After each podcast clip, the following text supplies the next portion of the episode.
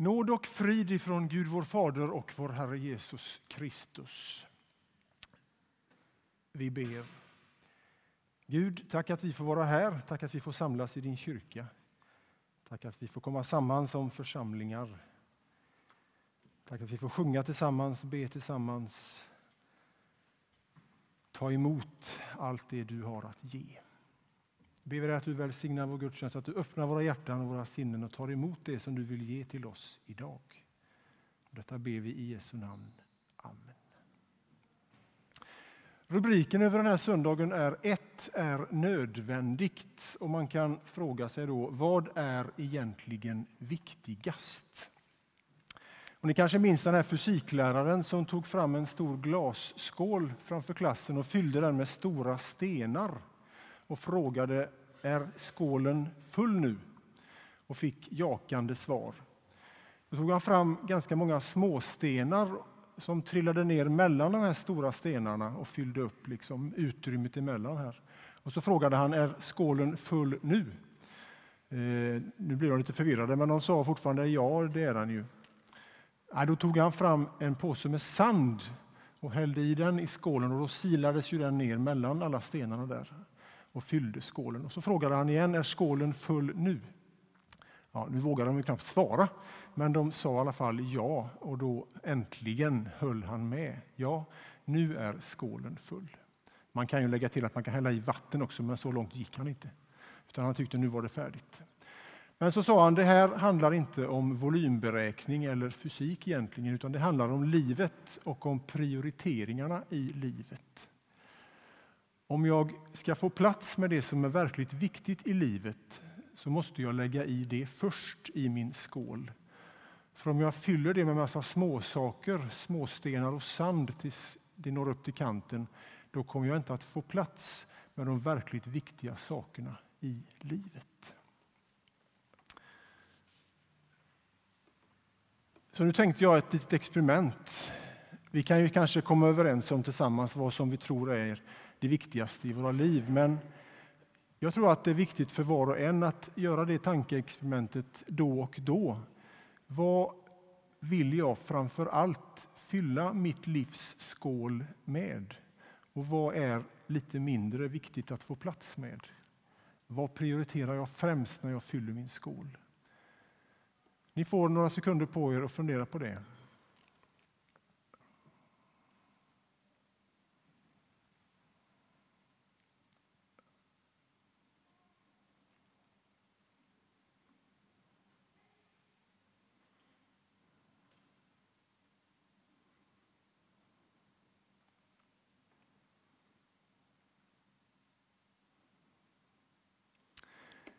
Vi hörde i den inledande bönen här orden Barmhärtige Gud, när oro och bekymmer får makt över oss, hjälp oss då att vila i dig, skilja mellan stort och smått och lämna framtiden i dina händer. I Jesu namn. Amen. Och något av detta stora, ja kanske det allra största och därmed det viktigaste, det hör vi Jesus benämna i dagens evangelietext när han säger Sök först Guds rike och hans rättfärdighet. Men handen på hjärtat, det kanske inte var det första som dök upp i mitt huvud, i min tanke, när jag funderade över vilka mina största stenar är. Vad jag främst och först ville fylla min skål med. Jag vet inte hur det är med er, men för mig dyker sådana saker som familj upp vänner, hälsa, sinnesro, fred och församlingsgemenskap. För att bara nämna några stora stenar i, i mitt liv. Borde jag inte istället alltså som första och största sten ha tänkt att söka Guds rike och hans rättfärdighet för att kvala in som en riktigt kristen? Men vad är då Guds rike? Det som vi ska söka, måste man ju fråga sig då. Guds rike är inom er, säger Jesus i Lukas 17. Och I Markus 4 säger han Med Guds rike är det som när en man har fått utsädet i jorden. Han sover och stiger upp, dagar och nätter går och säden gror och växer. Han vet inte hur. Av sig själv bär jorden gröda. Och lite längre fram i samma kapitel säger Jesus Guds rike är som ett senapskorn som är det minsta av alla frön på jorden när man sår det. Men när man har sått det, då skjuter det upp och blir större än alla örter och får så stora grenar att himlens fåglar kan bygga bo i dess skugga. Och så här förkunnar han i Markus 14. Sannerligen, aldrig mer ska jag dricka av det som vinstocken ger förrän jag gör det på nytt i min faders rike, i Guds rike. Så vad är egentligen Guds rike? Vad är det vi uppmanas att söka först och främst? Är det något som finns nedlagt i mig som skapad till Guds avbild? Eller är det den osynliga kraften bakom allt som lever och växer? Eller är det något allomfattande, stort och vackert där himlens fåglar kan bygga bo och under vars grenar alla levande väsen kan finna skugga, rekreation och vila och få hämta andan? Eller är det en hemlighetsfull plats att längta till bortom den här världens nöd?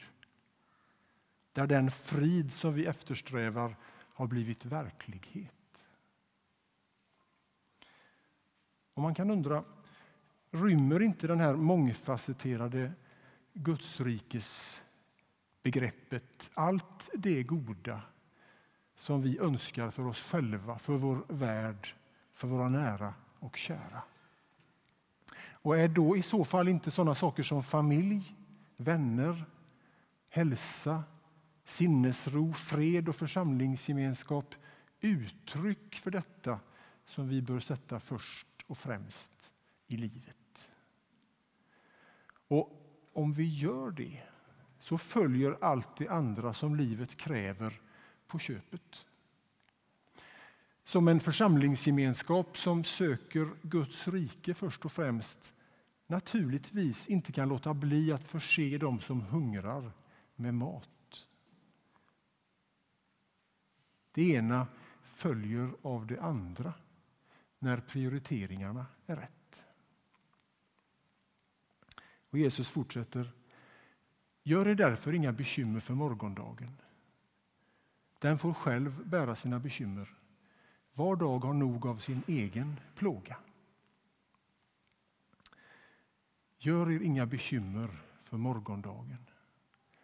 Ja, hur navigerar man egentligen i en oviss och föränderlig tillvaro? Hur förhåller man sig i en pandemi när restriktionerna skiftar och ingen vet vad sjukdomen för med sig på kort eller medellång eller lång sikt? Vad är att söka Guds rike i den här situationen? Gör det nära, var en själavårdares råd. Gör det nära. Gör det du har för händerna. Se den människa du möter. Hjälp den människa som söker dig. Gör det som är rätt i stunden och lämna framtiden för ett tag. Den kommer till dig oavsett.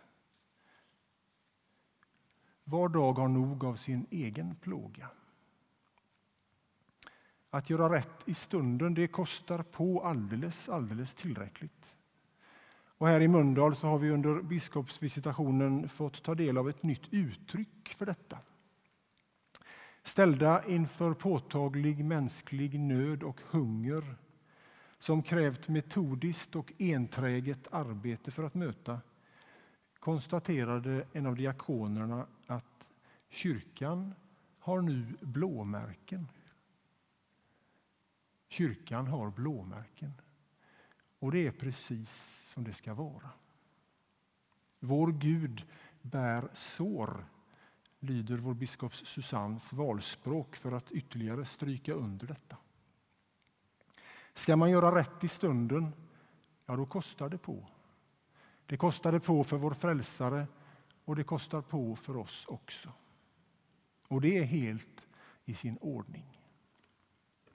Men det är också helt i sin ordning att vår Gud bär sår i bemärkelsen ser till oss och vårdar sig om oss.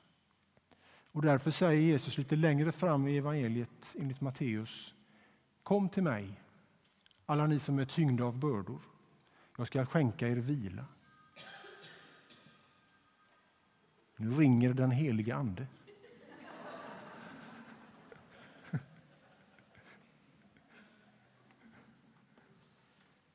Ta på er mitt ok och lär av mig som har ett milt och ödmjukt hjärta. Så ska ni finna vila för er själ. Det är en bild det här att ta på sig himmelrikets ok. Det är från den judiska traditionen ett uttryck för att gå in under den judiska tron och seden. Detsamma gäller oss, att gå in under den gemensamma tron och traditionen och vila i den. Som vi påminns i samma valspråk när, vi, när det står vår, vår Gud bär sår. Så är vi, fast många, en enda kropp, ty alla får vi del av ett och samma bröd. Vi står inte själva här. Inte med vårt sökande efter Guds rike och hans rättfärdighet. Inte i vår strävan efter att få ihop det här livet för oss själva, för dem vi har omkring oss och för vår värld och inte i mötet med denna världs nöd. Vi står tillsammans med Gud som bär sår.